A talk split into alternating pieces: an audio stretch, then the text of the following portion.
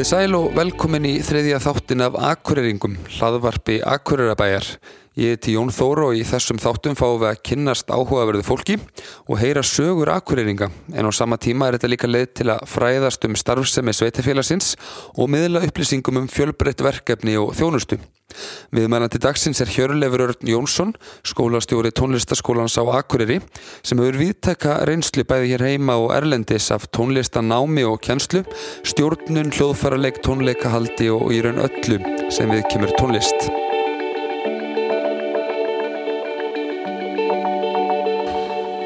Hjörleifur Örn, velkomin í hlaðarpið okkar. Takk. Hvernig er lífið í tónlistaskólanum þessa dagana? Það er bara ótrúlega skemmtilegt. Mikið í gangi og, og hérna, rosa fjölbreytt starf, rosalega margir, þú veist, hérna, marga mismunandi deildir að vera svo mikil svona gróska, þú veist, í nýbreytni í skólastarfinu og það er rosalega gaman að sjá bara hvað skólinn er að vaksa mikið mm. í svona, þú veist, í fjölbreytni og svona fjölbreytu markmiðum. Já, já. Er, er mikill munur á sko,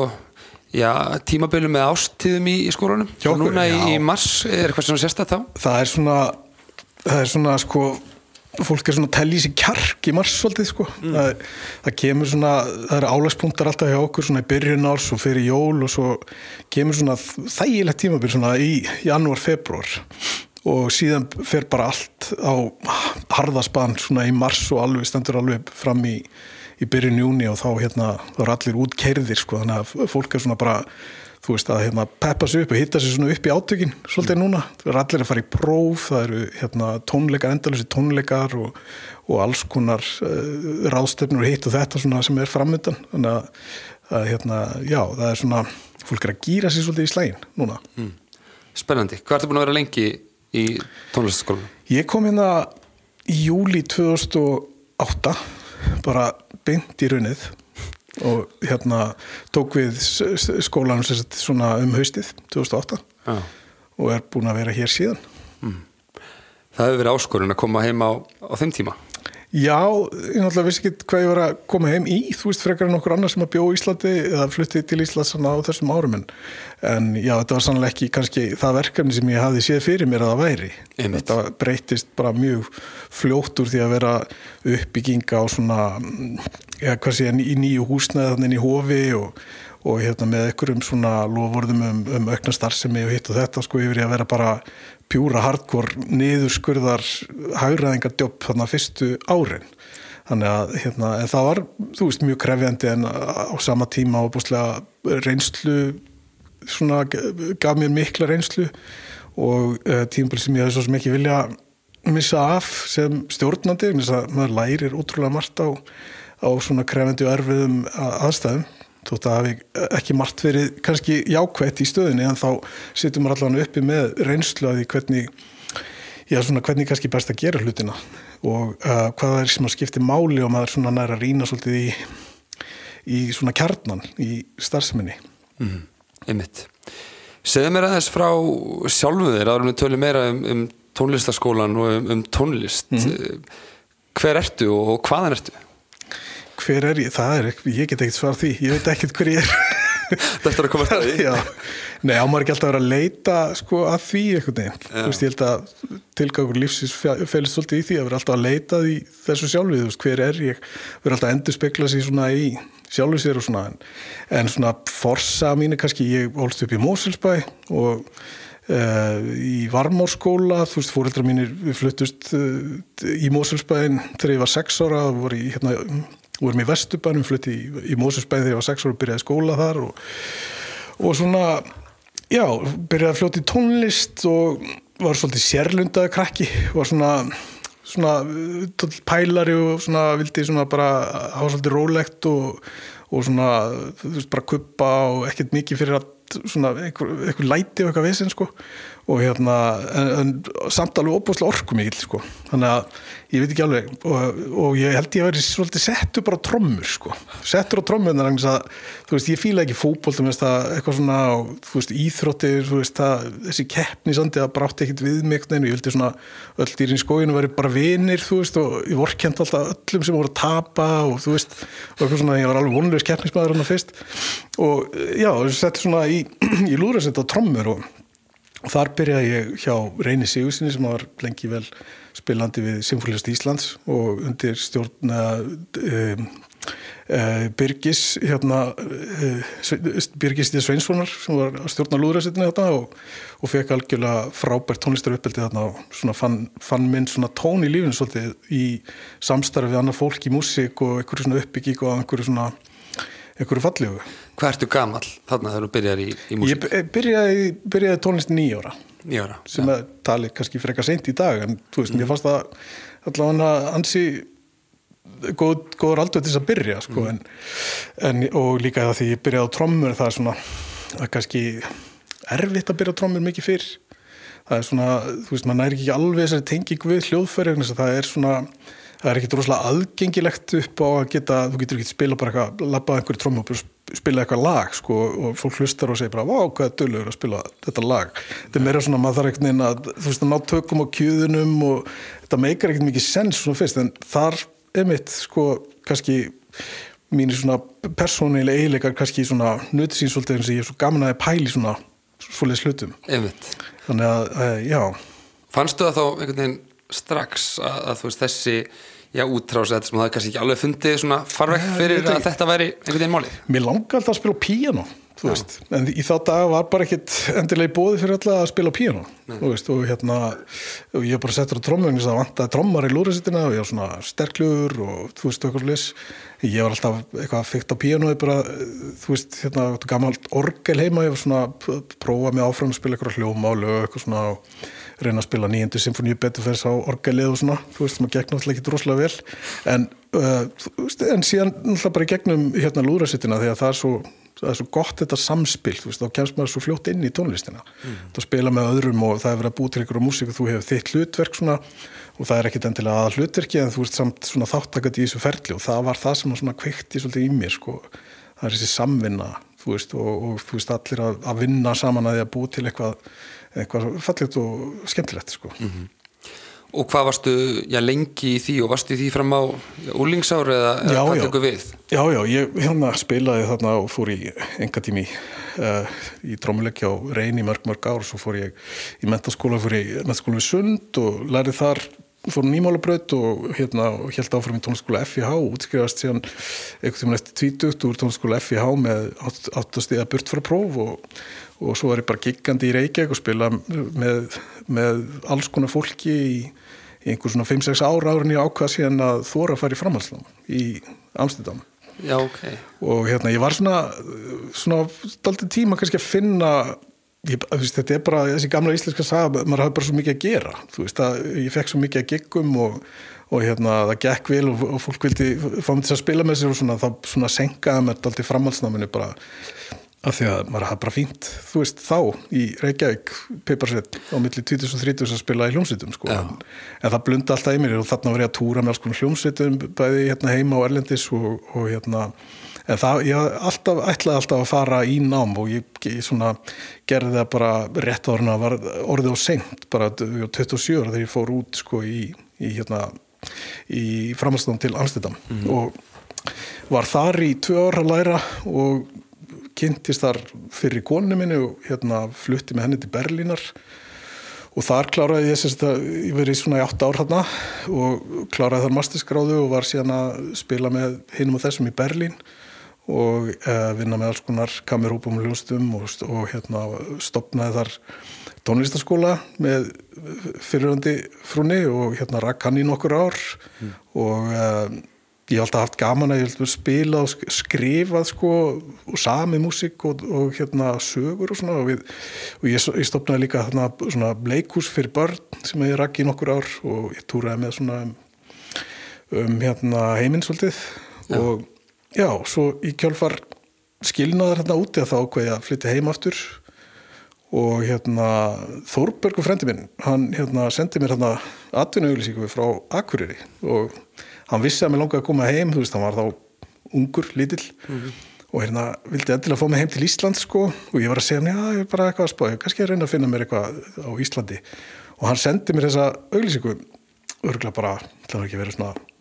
tíu ára eða eitthvað, nýja okay. tíu ára. Og ég sá þetta og ég hugsa bara, já, þetta er kannski áhugavert. Þú veist, Akureyri, mér langar ekki að flytja aftur til Reykjavíkur, þú veist, það er ekki áhugavert búin að búa þar og hérna ég hugsaði líka hérna, ótrúlega spennandi flytja bara nýtt uh, samfélag og byrja svolítið upp á nýtt og prófa nýja hluti og hérna var það náttúrulega komið með tölur að stjórna reynslu þú veist þarna úti og var ekkit, ekkit hérna, smeku við að takast á þetta verkefni og svona að, að hérna og, og ég var eiginlega, ef ég segir þessu er svona kannski pink útbrunni í músíkinni þannig að úti að því ég bara spilaði alveg ótrúlega mikið og var eiginlega svona orðið aldrei leiður að því bara. Mm og var farin að færa mig bara meira yfir í, yfir í skipulagningu og verkefnastjórnun og, og svo leiðis mm -hmm. og flytt hérna heim og, og hérna já, tek við í skólan hann á 2008 og um, já, sérst búin að vera það síðan. En þú veist, þessi, þessi tímið er hann úti, hann hlýtur að hafa verið alveg ótrúlega mikilvægur fyrir því svona, þetta, þetta skref að vera að spila með hljómsveitum og svona í, mm. í, mhm. í Reykjavík með 2030 og verið síðan sko búin að stopna þarna, skóla núti og, og hérna, koma með þess að því líku stjórnulega reynslu og getur aðeins verið meira inn í einan tíma þarna mm. úti hvað, hvað gerist þá bara? Þetta er náttúrulega harður heimur þú veist þarna úti og mikil samkemni og uh, það er ekkit hérna, ég reyndar aldrei verið þannig sko ég hafði aldrei það svona þá framtíða sín alltaf að fara að gerast hljómsýttaspilari eða þú veist, fá okkar fast starfi í einhverju symfóni hljómsýtt eða neitt svolítið ég hafði meiri áhuga bara á okkur svona spennandi kammermusík vinnu mm -hmm. og, og svona verkefna vinnu og það varð mjög fljótt þannig ég hérna, kynntist þannig fólk í Berlin og komst inn í svona slagvæskvartett og við spilum út um allt og þá bara einhvern veginn kemst maður svolítið inn í bransan sko og um, þar kynntist ég mikið af fólki og svo náttúrulega er þetta bara alltaf bröðstritt og, og maður er svona að spá í hvernig maður getur, þú veist, bara svona haldið áfram einhvern veginn, þú veist, og, og það hefur einhvern veginn bara lengt í svolítið í því að vera farin að skipulegja hluti fyrir fólk, Já. þú veist, það er bara vegna þess að mér fannst það gaman, þú veist, mér finnst gaman að halda utan hluti og hjálpa fólki og þú veist, fólk var að leita til mér og beða mér um að taka að mér svona hitt og þetta og hérna, ég þvældist bara einhvern veginn inn í það, sko, það var ekki það var ekki einhvern veginn eins og ég segi fyrir mér ég ætlaði bara að verða einhver stjórnandi eða eitthvað svolítið heldur bara, það bara ægslaðist einhvern veginn þannig að því að ég var góður í þessu. Mm -hmm. og svo hérna hef ég alltaf, ég hef náttúrulega alltaf kent sko, bæði tónlistaskólum, bara alveg frá því að ég var títugur eða eitthvað svona, meðfram námi og, og svona og þá kynntist maður fullt af tónlistakennurum og e, þú veist, var að kenna hann í Berlín og þú veist, bransinn þar er svolítið, það var svolítið á eftir okkur hérna heima Uh, veist, þau voru að innlega til dæmis heilstaksskóla á þessu tíma sem ég var úti veist, og við höfum svona reynsla því hvernig þetta var gert hér á Íslandi mm. og, uh, veist, og í Skandinavi þannig að hérna, ég sá þarna ákveðin tækifæri í, í því að, að fara í samstarfu grunnskóla og innlega, innlega svona, bjóða þeim upp á frambóð, tónlistarkennslu frambóð í, innan grunnskólana og það gekk bara ótrúlega veist, vel, það bara einhvern veginn öðlæst sitt eigið líf bara strax mm. og þú veist að því að í, í háskólanum og svo veist með þessu fólki sem ég var að spila með þá kynntist ég bara mikið af fólki sem að vildi þú veist var bara í bröðstritunum og vildi fá vinnum við að kenna meðfram, meðfram hinnu mm. og, og um leið og við settum þetta sama voru við með rosalega flottan kennarahópara strax 20-30 kennara allir með einhverjar veist, mastersgráður og doktorsgráður og eitthvað veist að því að já, samkemnan úti er náttúrulega bara daldið önnur en hér heima sko. það er engin skortur og starffólki þar. Einmitt, maður ímynda sér allavega eins og í, í Berlín þetta er svona algjör, einhvern veginn svona söðu pottur og engin smá borg sko. Já, og, og svona í þessum gera einhvern maður hefur ímynda sér að það væri meirinn að segja að sko skapa sér eitthvað nafn og, og fá til þess við sig eh, mikið hæfileikar ykkur fólki og, og gera eitthvað að viti. Já Já, það var fyrirlega einhvern veginn gerist bara sjálfur sér veist, þetta var fólk sem stóði kringum mig bara og ég var að vinna með og veitna, maður sá bara að það var svona okkur þörf, fólk, fólk vildi bæta við sig kannski í einhverju vinnu mm. og, hérna, og það var alveg það er hérna, mikil þörf fyrir tónlistar nám þarna, þú veist, það var mikil eftirspurn eftir tónlistarnám, sérstaklega hverfina sem bjó í Brennslaugberg sem er sem er held í bara barn, hérna mesta hverfi í Evrópu, þú veist, það voru, það voru flest börn á, á haus þarna í þessu hverfi sem við bjóði bara í allri Evrópu. Þannig að það var hérna, það voru, þú veist, miklar góðar svona aðstæður til þess að þróa eitthvað nýtt og, og uh, þetta byrjaði bara uh, rólu, hérna, sagt, ég fór bara á fundi, við fórum hérna þrjú saman sem stopnum þetta á fundi með skólastjórum og kynntuðum þessar hugmynd og þeir bara, við fengum bara strax þrjá kuna, mm. þú veist, grunnskóla sem við fórum í samstarfi við og við vorum bara byrjuðum bara með litla skrifst og við vorum ekki með neitt eigið kennsluhúsnaði okay. við nýttum bara, sko, aðstöðin í grunnskóla og gerðum hérna samninga við hérna Beckstein eh, pianoversmiðunar um að þeir sponsoruðu leigu á hljóðfærum til okkar og við gáttum þá látið skólanum það í tíu og svo gáttum við nota tón, hérna, tónmetarstofur og þeir eru með svona tvennskona kerfir lokaður og opnir heilstaskólar og hérna í lokum heilstaskóla þá gáttum við komið inn á skólatíma í opnum heilstaskóla þá komið inn eftir kennslu og kendum og þetta var eiginlega svona byrjað sem svona ég hvað ég segja svona umbóðskristof fyrir goða tónlistakennar en síðan svona þegar þetta þróast þá voru við byrjað að tala saman um hvert við ætlum að stefna með þetta og voru fann að standa fyrir alls konar námskeiðum, nútíma tónlistarnámskeiðum og þú veist námskeiðum fyrir innflytjita krakka þú veist og inn í Kreutzberg og eitthvað svona. Og uh, já, þannig að þetta var bara rosalega fljótt að vegi upp og við bara vorum með rítarinn okkar og hún sá bara um að, hérna, að svara fyrirspurnum og svo hittist við þú veist þarna, vorum hann á hverju degi og og svo giggaði maður svona inn á milli þú veist þannig að þú veist ég var ekki alveg laus við það þótt ég var komin í þetta líka. Þú veist að hérna og þitt hljóðfæri svona fyrir það sem að þekk ekki til sko, þú veit með mestaragráðu í hvað í slagverksleik. í klassísku slagverki sko fyrir það sem þekk ekki svona tónlistar heiminn kannski vel, ég meina hva, hvað er það sem þú ert að spila á í rauninni? Það er eiginlega bara allt sem að allt sem að engin annar spilar á það er aldrei þannig að það er hérna, þú veist, út með svona hefbundna hljóðfærarleikara sem að spila á fílu og piano og þeir snerta bara náttúrulega ekki á neina öðru og er bara, þú veist, í því og eru algjörði sérfræðingar í því en við sláðisleikar eru meðlega sérfræðingar í að, að taka bara eitthvað upp sem að býr til eitthvað hljóð og, og reyna að ná einhverju svona sómasamlega hljóði útrúið þannig að virki í tónlistinni. Já Þannig að það getur verið allt frá því að vera svona þessi hefðbundnu klassísku slavisljófari sem þú þekkir eins og pákur í symfóníuljónsveit og sílafónar og klukkuspil og allt þetta sem er alltaf greiðli stúdía. Og svo getur þetta bara verið eitthvað hérna, nöðshort frá Brasilíu sem einhverju datt í huga þú veist að saga niður og búið til lúður úr og þú veist eitthvað svona. Yeah. þannig að hérna, þetta, er, þetta spektrum, þetta hljóðspektrum þú veist í þessum hljóðfærum er bara uh, það er bara allt á milli heimins og erðar Veist, það er verið að spila á vatn og það er verið að spila, það er búksláttur og það er verið að spila á, þú veist, flísar og steina og keðjur og bara, bara hvað sem er, sko. Hluti að fræðunum að, að búa til þá eh, hljóðfæri og búa til hljóð úr einhver sem er ekki talið venjuleg hljóðfæri. Já, og það er svona, ég hef alltaf verið svolítið svona tilröðnagjarn, þú veist, í bara, ég er með svona óvirkan heila svolítið, þú veist, ég er alltaf að hugsa eitthvað og þú veist, ég er alltaf bara, já, hvernig getur við gert það öðru sem það hefur verið gert, þú veist, og hérna, það er alltaf stundur svolítið óþrólandi fyrir fólki í kringum með en, en þú veist, að, og, og flestar hugmyndir eru bara ekki að virka, þú veist, maður verður bara að segjast, þú veist, þess að maður er í því, þú veist, maður gerir einhverju tilröðinu, eina tíu virkar og, þú veist, en þeirra virkar, þá er það svo frábært, þú veist, og hérna, að því að þá eru til einhver bara sem hefur kannski bara aldrei verið til áður, aldrei það sem að heitla mig, þú veist, ekki bara stjórnun eða tónlist, heldur bara við lífi sjálf, þú veist, það er hvernig maður getur nálgast hluti á, á nýjan háttis að kannski fá einhverjar aðra niðurstur í hlutina heldur maður fengi áður. Mm með fullri virðingu fyrir því öllu því sem er gert og, og rosalega mikilvægt að halda í minna, þú veist, ég náttúrulega ef við tökum bara tónlistin, ég náttúrulega bara æfði mig alveg rosalega mikið á, á þessi hefðbundum klassíku hljóðför og reynda mastri það eins og ég gatt, sko, en, en hitt kveikti svo í mér, þú veist, að, að hérna, vera að spila nýja tónlist eh, sem að væri búin til okkur með forsendum og eitthvað sem að sem að væri svona, já, sem að væri svolítið ófyrirséð, hvernig myndi enda mm. það er svona, mér finnst fyrir svoleiðs umhverfi. Og ert að spila í dag eitthvað? Ég, er, ég tók bara meðvita ákveðum að hætta að spila fyrir svona einu hálf óra síðan. Þá, þá hérna, var bara vinnuálaði á mér orðið og mikið, veist, ég var náttúrulega bara fullu, fullu starfi hérna, búin að vera lengi á Akurubæ sem stjórnandi með gríðilega miklu ábyrg og svo var ég að, veist, spila á til með Sinfóliast Norðurlands og á Pákur og, og var að stjórna Kallakóra Akureyra Geysi. Og þú veist, ég er ég er, þú veist, ég er á milli 40 og 50 og ég á fjögur börn og þú veist, á endanum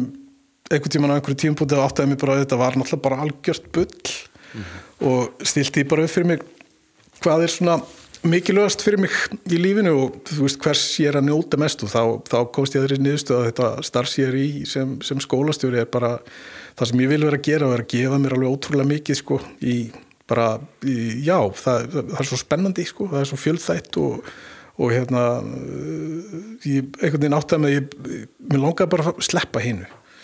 þú veist, sem er, sem að var náttúrulega svolítið stórt skref að, þú veist, það var þar sem ég byrjaði sko, þar fekk ég svona móti á svona en ég er ekki tættur, þú veist, í músík. Ég er að semja tónlist og skrifa og svona, það, en það ger ég bara svona, svona þegar að andin grípur mig, sko. Þú veist, Já. og það er ekki ég finn enga svona þörf fyrir að vera að koma fram fyrir fólk eða, þú veist, eða hérna eitthvað svoleiðis, þú veist, ég hef enga þau, ég veist ekki á neitt að sanna, ég bara ger þetta sem ég finnst það skemmtilegt og á mínum einn fórsendum er ekki að byggja um, um neitt klapp á bakið, sko, það er bara, þú veist, að því að auðvitað ef maður er tónlistamæður þá er bara þessi þarfatna og þá fyrir maður að finna í svona einhvern, uh, þú veist, uh, farveg sem að, sem að henda manni mm -hmm.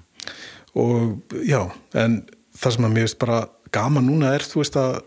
að sko, mér er reynslu sem stjórnandi bara mannleg samskipti og, og hérna svona lausna með hugsun og reyna þú veist, í sko skólafróin er eitthvað sem að þú veist, hefa alltaf haft áhuga á en ég hef bara alltaf meiri áhuga eftir því sem ég, þú veist, eftir því sem ég gerir meira. Og hérna svona þættir er svo þú veist hvernig maður mótiverar fólk, hvernig maður mótiverar nefndur, hvernig maður uh, já, bregðast við, þú veist, þörfum samfélag, hvernig samfélag okkur er að breytast, þú veist, og, og, og allt þetta sem ég finnst vera, sem heldur mér svona vakandi stundum á nóttunni, þú veist, bara pæla í þessum hlutum, sko. Mm -hmm. Þessi hlutur er ekkert síðan mikilvægir í, í tónlistanáminu og tónlistakennslunni eins og í bara öðrum, Nei. eins og í grunnskóla eða, eða leikskóla, þið eru mjög meðutuð um þetta og eru það að leggja ykkur fram við að, að stíga skref í í þessar áttir Já, ég held að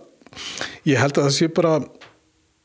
sko, ef maður ætlar að vera lifandi í þessum heimi núna í dag, þú veist, þá verður maður bara átt að segja á þessum gríðalegu breyting sem er í kringum okkur mm. og við verðum öll að bregðast við og verðum að gera það áður en það verður á seint mm. og það er bara, þú veist, það er hérna,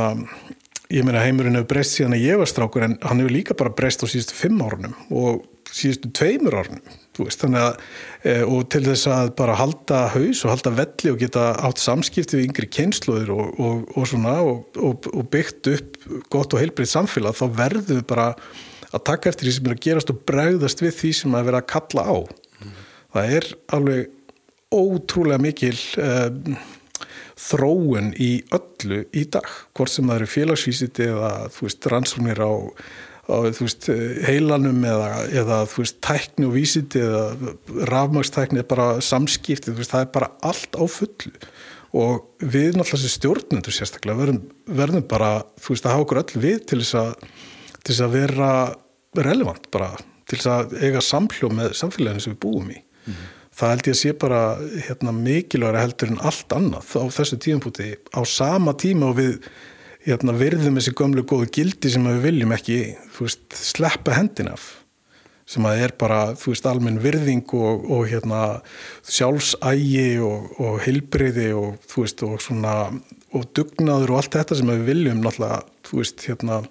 agitera fyrir og, og er svona grundullurinn að eiga gott líf en á sama tíma að vera opið fyrir nýjungum og reyna að hlusta á það sem að, að samfélagið er að segja og hvað unga kynsluðin er að segja við okkur líka og, og það sem að, að, sko, það sem að hérna, OECD er að segja um veist, þarfir í framtíðinni og hvernig getum undibúið börnin okkar fyrir, fyrir líf sem að við einhvern veginn höfum ekki fórsendið til að meta hvernig verður. Og er algjörður þess að lappa bara blindandi inn í framtíðina. Þú veist ekkert hvað er að fara að gerast eftir tvö ár. Veist, þannig, að, þannig að það er já, það er held ég það er það sem ég hef mjög gaman af sko. já, það er svona spennandi, spennandi áskorun. Já. Mm -hmm þegar þú kemur hingað til Akureyri eitthvað 2008 mm -hmm. uh, hafður þér eitthvað tengsl við Akureyri svona bara, áður? Absolut ekki neinn bara enginn? Ég átti hérna frængu sem að sem að hérna sem að, þú veist, ekki þú veist, ekki náðu sambandi heist svona í ykkur fjölskylduveislum og, og hérna þau ráku hérna saman tónræktina hérna bassi og, og hérna konun hans og hún, hún sérst frænka mín og, og unnubitna og þú veist það voru raun ein, einu svona persónu tengsli sem ég hafði hingað á sveiðið og svo en svo átti ég ættir reykja hinga sko af er úr hérna og nú Garsardal og hérna var sagt, fluttist ungur söður og það er einhvað, ég veit ekki það er eitthvað ótrúlega stert í þessum rótum sko, sem er aldrei fríka um leiði komin, þá fannst mér einhvern veginn eins og ég bara ætti heima hérna og það, ég get eða ekkert útskýrt það sko okay. að hérna, maður finnur einhvern veginn þótt að það sé ekki þú veist, fólk sem að þú veist, maður ekki tengi ekki af eitthvað fólk að þá er bara einhvern veginn blundar í manni bara þú veist, ég veit náttúrulega að hann var hérna, já, ættingi hér um allt sko mm. og, en það er bara einhvað eitthvað sem er notalegt við að búa hérna ja. veist, og það bara kom bara strax svo í fluttinga og ég segi bara, já, hérna er ég bara komin heim einhvern veginn sko Óhugavert Já, það er Og hvernig hefur svona Þegar ég meina, þú veist, ég var alveg uppfullur af einhverjum reykjavíkur roka, þú veist, og þetta aldrei í hug, ég geti, þú veist, þegar ég var ungu maður búið einhverstar annars þar enn í bara 101 og þú veist, helst í einhverju stórborg. Þú veist, þannig að, að hérna, það var það var, en svo náttúrulega verður maður eldist og langar að prófa nýtt þá hugsa maður bara, já, þetta eru lífskeiði sem ég er alveg til að, að prófa og svo þegar ég er komin hérna, veist, þá hugsa ég bara hvað er ég að spá, veist, hvað, hérna þetta er svo miklu betra að búa hérna heldur en að búa í Reykjavík, veist þannig, þannig líður mér umverulega, sko. Og þannig að þessi tími hefur alveg svona staðið undir vendingum, þetta hefur ekki verið bara svona spennandi fyrst, þetta hefur umverulega haldist. Það var náttúrulega ekki droslega spennandi fyrst, sko. Nei, þú veist, þegar ég byrjaði hérna að vinna í, þú veist, hérna í sko hagræðingu í efnarsfrunni, sko, og þú veist, ég sko, það kvartlaði að mér nokkru sinum að það fyrst að bara kaupa aftur flug með þetta Berlínar. Ja. En aftur á móti þá var bara áskorunin og skólinn og mikilvægi skólans, þú veist, ég fekk strax svona þessa tilfinningu fyrir því hvað þessi skóli, þessi stopnun og þetta starfsmjörður að vinna hana er mikilvægt og það svona þú veist, það, það bara, ég gæti ekki lappaði burtu frá því, veist, ég þurfti að fylgja því eftir, veist, að fólk hérna allir skinnuð, þú veist, hvað þessi skóli ég meina bara skoða sögu skólans og hvað, hvað hann hefur gert fyrir samfélagið og akkurir í gegnum tíðina bara eh, hvað hann er mikilvægur mm. og hérna, ég heitlast bara strax af þessari hefð hérna á arleðinni og, og nein, það var bara ekkit mögulegt fyrir mig að gangi burtu frá þessu verkefni þótt að, þótt að sko, fyrstu sinna hafi verkefni verið mjög krefjand og erfið sko. mm -hmm. en hérna sem betur fyrir náttúrulega komist við Íslandikar í gegnum um, þessa kreppu og, veist, og það er búið að vera eila dásanlegt að sjá veist, hérna, hvað hvað síðan vaksið, veist, bara eins og í minni stofnum, þú veist, út úr út úr þessu erfiða samtali sem við fórum í gegnum á þeim tíma, sko, allir í þessari endurskoðum sem við fórum í, þú veist, að hvað hérna, hvað þetta blómstrar útrúlega mikið hvað, hvað hérna hvað þetta starfsfólk sem ég með er ógeðslega flott þau eru bara útrúlega velmentuð og klár og dugleg og eru bara hérna af, þú veist, bara intumri passjón einhvern veginn, sko mm -hmm og það er bara svo gaman að sjá þú veist að það er orðið svo mikið samstarf fólk er, þú veist, það er svona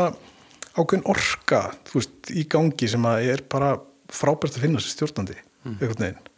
og það sé alltaf áskornir og þú veist, við erum alltaf bara leita þess að gera betur og þú veist, alltaf mm. Tónarskólinn alltaf er eh, hérna, staðsettu niður í hofi, menningarhúsinu í já. því húsnæði aðstæðan þar og, og bara svona já, umhverfið sem þið, sem þið að vinna í þar, mm. hversu hversu gott er það svona með að við bara það sem gerist í Já, sko, ég held ég þurfu allar svaraði sko, það er ekki nefn að horfa bara húsið til að sjá þú veist, þetta er mjög óvennilegt fyrir tónlistarskóla að vera staðsett í, í svona húsið þú veist, ég meina ég maður sko, berur saman, þú veist aðstöðun sem að maður vanur í Berlín það sem að heilu háskólanir voru kannski inn í einhverju húsnaði sem að var ennþá með kúlnagötum frá því setni heimstyrildinni og þú veist, og hérna og þú veist ég var að æfa mig í einhverjum slagverðskjallara þú veist í hans æsleikskólanum þar sem að þú veist Stasi hafi bara þú veist verið að yfirheyra fólk þú veist bara fyrir 20 áram veist, þetta bara húsnæðiskostnaðar hérna, kosturinn þar ja. og þannig að við þurfum ekki að þú veist þannig bara þurfum ekki að grákvöldinu það að sko húsi er bara stórkostlegt uh, og aðstæðan er bara frábæð við erum bara að springa veist, það, er, það er kannski aðlað það veist, það er svona það er svo mikil starfsum í skólanum að við erum bara eh, með raut með að finna kjenslur í mig og ja. þú veist og hérna vantar meira aðgengi að tónleika sálf allt þetta, ég menn þetta er bara þú veist, eitthvað búksokir og hérna, þú veist, eitthvað sem þarf bara að finna lausnir á en, en hérna þú veist, ég get ekki annað sagt en að þetta sé mjög hvetjandi umhverfi að vera í húsinu. Er það ásokn og áhugi á, á tónlistana með að, að aukast? Eru þetta alltaf að fá fleiri og fleiri umsóknir eða hvernig já, já, við erum alltaf að fá jafnmargar umsóknir og uh, það er náttúrulega starfandi fleiri tónlistaskólar inn í bænum veist, og við erum alltaf með, með daldið stóran byggðlista hjá okkur.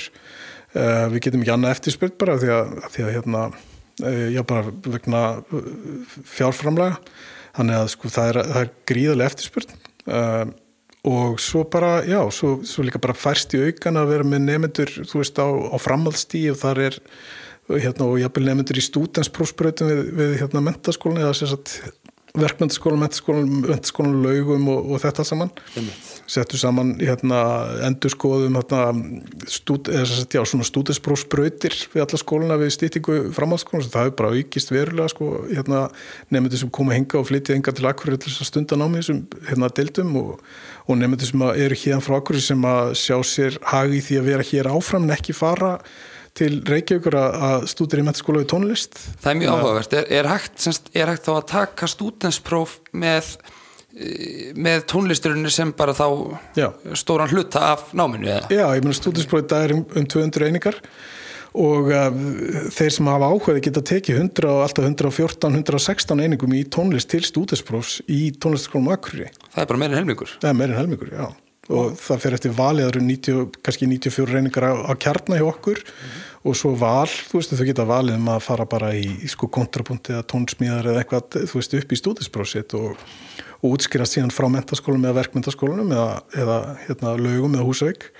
og, og við sérstaklega hérna, bjóðum þessa þjónustu. Þannig að, þannig að það er náttúrulega bara alveg útrúlega mikil hérna, mikil akkur fyrir akkurir þú veist að líka geta bóðið upp á þetta en þess að um, hérna á því var daldill svona atgerðisflótti þú veist af nefndum af landsbyðinni og ég veist að ég byggi þú veist ef ég byggi þú veist í húnarsýslu og hérna ætti 16 ára ungling sem að langa að læra tónlist og væri duglegu tónlistanemnd þá myndi ég freka vilja hann færi á heimaðastina hérna á akkuriri freka hann að senda hann þú veist á hérna, einhver leiðhúsna í Reykjavík að stúdira þar. En mm. ég held að það sé gríðarlega mikilvægt fyrir okkur að, að geta bóðið upp á stjónustíðana en ég get ekki annað sagt en að það sé bara ég finni fyrir svona ótrúlega miklu, miklu, miklu velvilja bara gagvart skólanum. Mm. og já, ég er bara ótrúlega þakkláttu fyrir það, ég held að fólk, hérna, fólk ger sér grein fyrir ég menn þetta er, veist, fólk horfið svolítið á tónlistanámi eins og þetta væri bara svona snopnám fyrir hérna bönn ríka fólksins en það er kannvata að því að, þú veist, ég meina, ok, það kannski var það bara, mm. þú veist, það var frá svona fólk yfirleitt frá svona efnari heimilis sem sendi börnin sín í nám og eða frá, fólk frá heimilis sem voru svona menningarlega sinnuð, sko, sendi börnin sín tónlistanám og þarna átt að hefa sig heima og maður átt að vera sína koma flottir í sparifötum og sundum, en í dag er þetta allt öðruvísi, sko, bærin er komin inn í þetta og það er þannig að þetta ekki tónlist fyrir alla, allir er að rétta á því, þú veist, og og hérna, sko, ég menna við forgansröðum ekkert við intöku nefndan nema bara sá, sá, sá sem er fyrstur á lista, hann kemst inn. Já. Þannig að, að hérna, við erum bara að horfa á það, veist og, og, og sko við horfum miklu meira á uppeldisleg eh, og þroska markmið heldur en rauninni leikni markmið þóttu þau séu náttúrulega alltaf þannig og það kannski, sem er kannski mælanlegast að þessu öllu. En, en það er komið miklu meirinn í umræðina að þú veist að námið í tónlistarskóla er að nýtast börnum þú veist á einhvern eh, hátt þau eru betri þú veist ég með það eru til heila rannsóknir heilanum sína börnum verða betri verða betri í íslensku verða betri í öllu öðu stundan á mig tónlistaskóla þetta má kannski, þú veist, reyna raukstið að þú veist að fólk sem er í í hérna bortennis einsinu viku hafa líka gott að því sko en, en það eru bara óreikjandi rannsóknir að koma fram núna sem að sína bara beint, þú veist, svart á kvítu hvað þetta er ótrúlega gott fyrir nefndir að, að stunda tónlistanam Já og það er það sem við erum að fókusera á. Veist, við erum ekki að reyna að búa til tónlistarsnill líka framtíðarinnar. Við vitum þeir koma hvort er. Veist, við vitum að þeir sem að raunverulega hafa þetta passjón þeir geta fengið allt sem þeir vilja hjá okkur. En við erum í meira mæli að, að horfa á bara veist, hvernig skólinn og hvernig kjenslan okkar getur nýst sem flestu nefndur þá, þá fáum við miklu meira út úr því. Mm. þá fáum við fleiri góða nefndur fleiri, hérna, fleiri og, og ykkur bara lífskeiði fólks þú veist, það verður bara að segjast. Það er svona, þú veist, stefnan ja, það er frábært og áhugavert að hérna, ég heyra ára það er svona kannski meiri ég vakning og áhersla á þessa þætti en, en hérna en svona einmitt leiknina og, og hérna að, að fókusa bara á hverjur eru, svona, hverjur eru bestir Já, auðvitað elsku við nefndur sem að þú veist, sem já, já. að æfa sig heima og, og þú veist og það er, ég meina, það er alltaf að tala svo mikið um hæfileika en einu sinni. Einmitt. Þú veist, og það er orðið bara dálítið breyting á því, ég meina, þetta er fólk með misjafna hæfileika, þú veist, það liggur eitt betur fyrir öðrum en, en, hérna, en eitthvað annað. En, en sko þegar þetta kastana kemur þá, er það, þú veist, bara ástöndun og þú veist, og segla, þú veist, og áhugi mótiásjón og allt þetta sem að, sem að skipti mestu máli í hvort maður er árangrið ekki. Þú veist, það er ekki, ekki þegar þú ert að spila korrupólta, það er ekki bara á sér 2.20 sko. Þú veist, þú getur alveg verið hundlélegur í korrupólta og þú sér 2.20 og, og hérna, þú veist, fullt af góðum korrupóltamennu sem hafa bara verið þú veist, bara það litlir að þeim eru sagt að þeir eru aldrei korrupóltamenn þú veist, þannig er þetta bara nákvæmlega með tónlistina að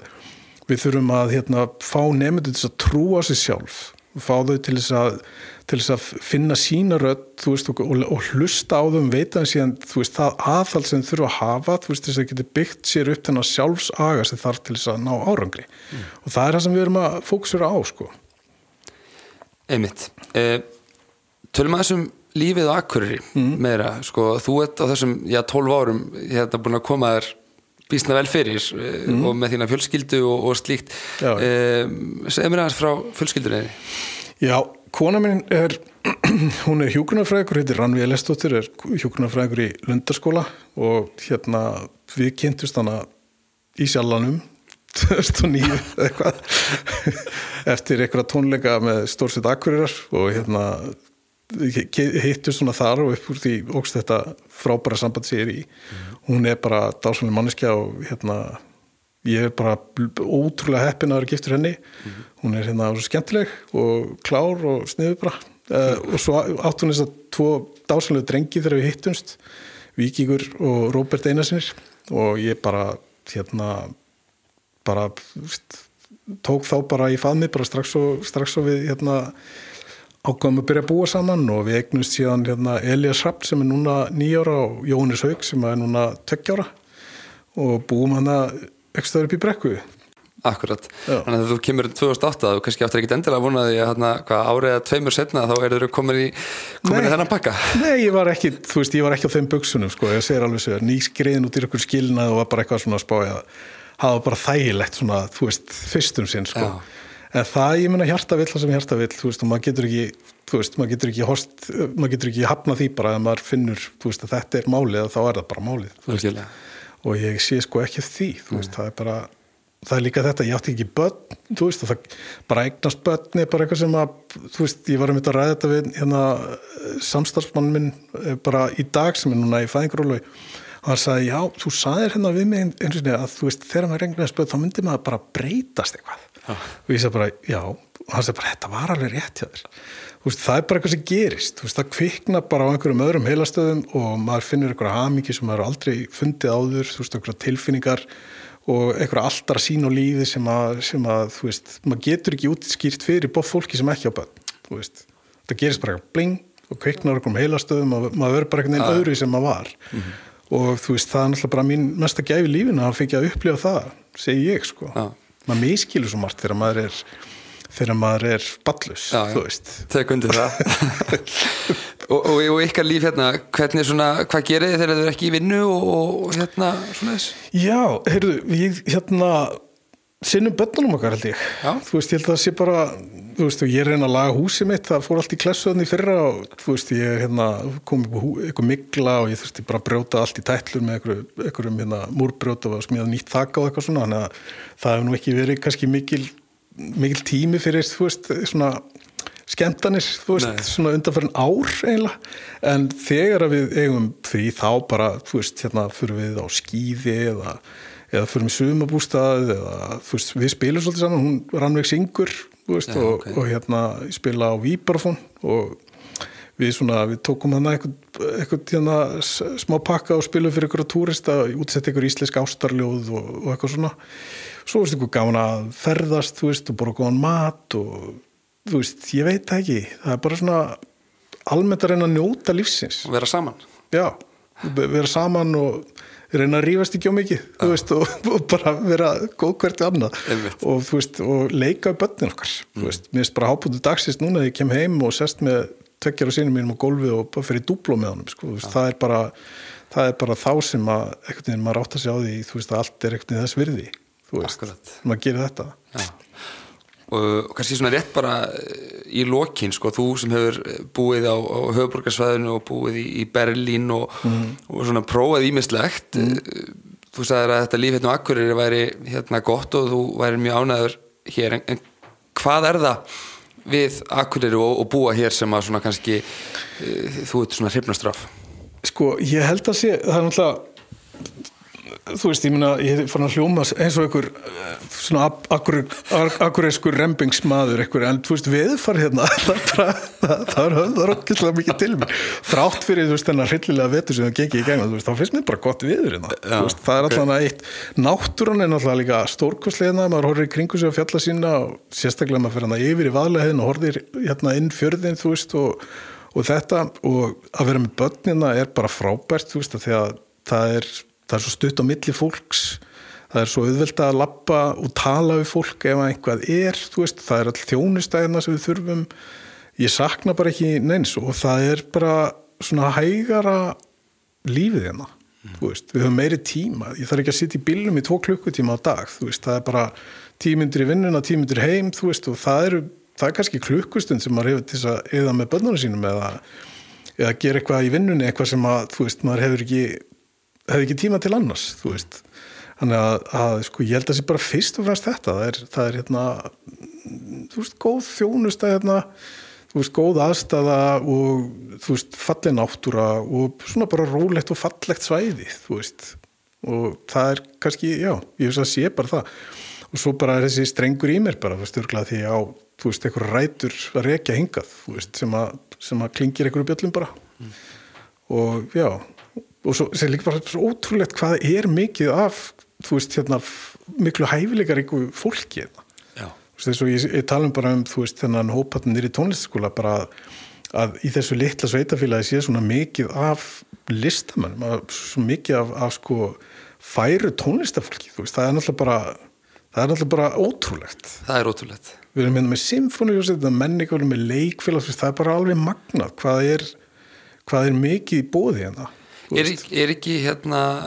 er ekki mikil tækifæri í þessu sko eins og starfsemi sem er niður í hofi? Mm -hmm. það er, er Sinfoníljóstin, Sinfoníja Nord sem er nú mhm. talað um sem kvikmyndaljónsett Íslands Já. þessa dagana. Mm -hmm. tónlistaskólin, menningafélagið og leikfélagið og þetta. Ég meina þetta starfsemi og þess, þetta samstarf og þessi starfsemi þetta er eitthvað að vera akkur fyrir Það er gríða, gríðalegur akkur fyrir bæin, ég held að það er svolítið ósýnlegt stundum þannig að húsið er bara svona það er stórt og þú horfður bara á þetta og sér ekkert hvað er að gerast inni en það er alveg ótrúlega hvað hefur verið gert hana mm. og er að tala um, veist, þessar hérna, upptökur og veist frumflutninga á nýjum tónlistaverkum og leiksýningar og alls konar eitthvað viðbyrðna niðri og svona sem að hérna sem að margir bara, það fer bara svolítið fram hjá fólki í stundun, þú veist, ég menna maður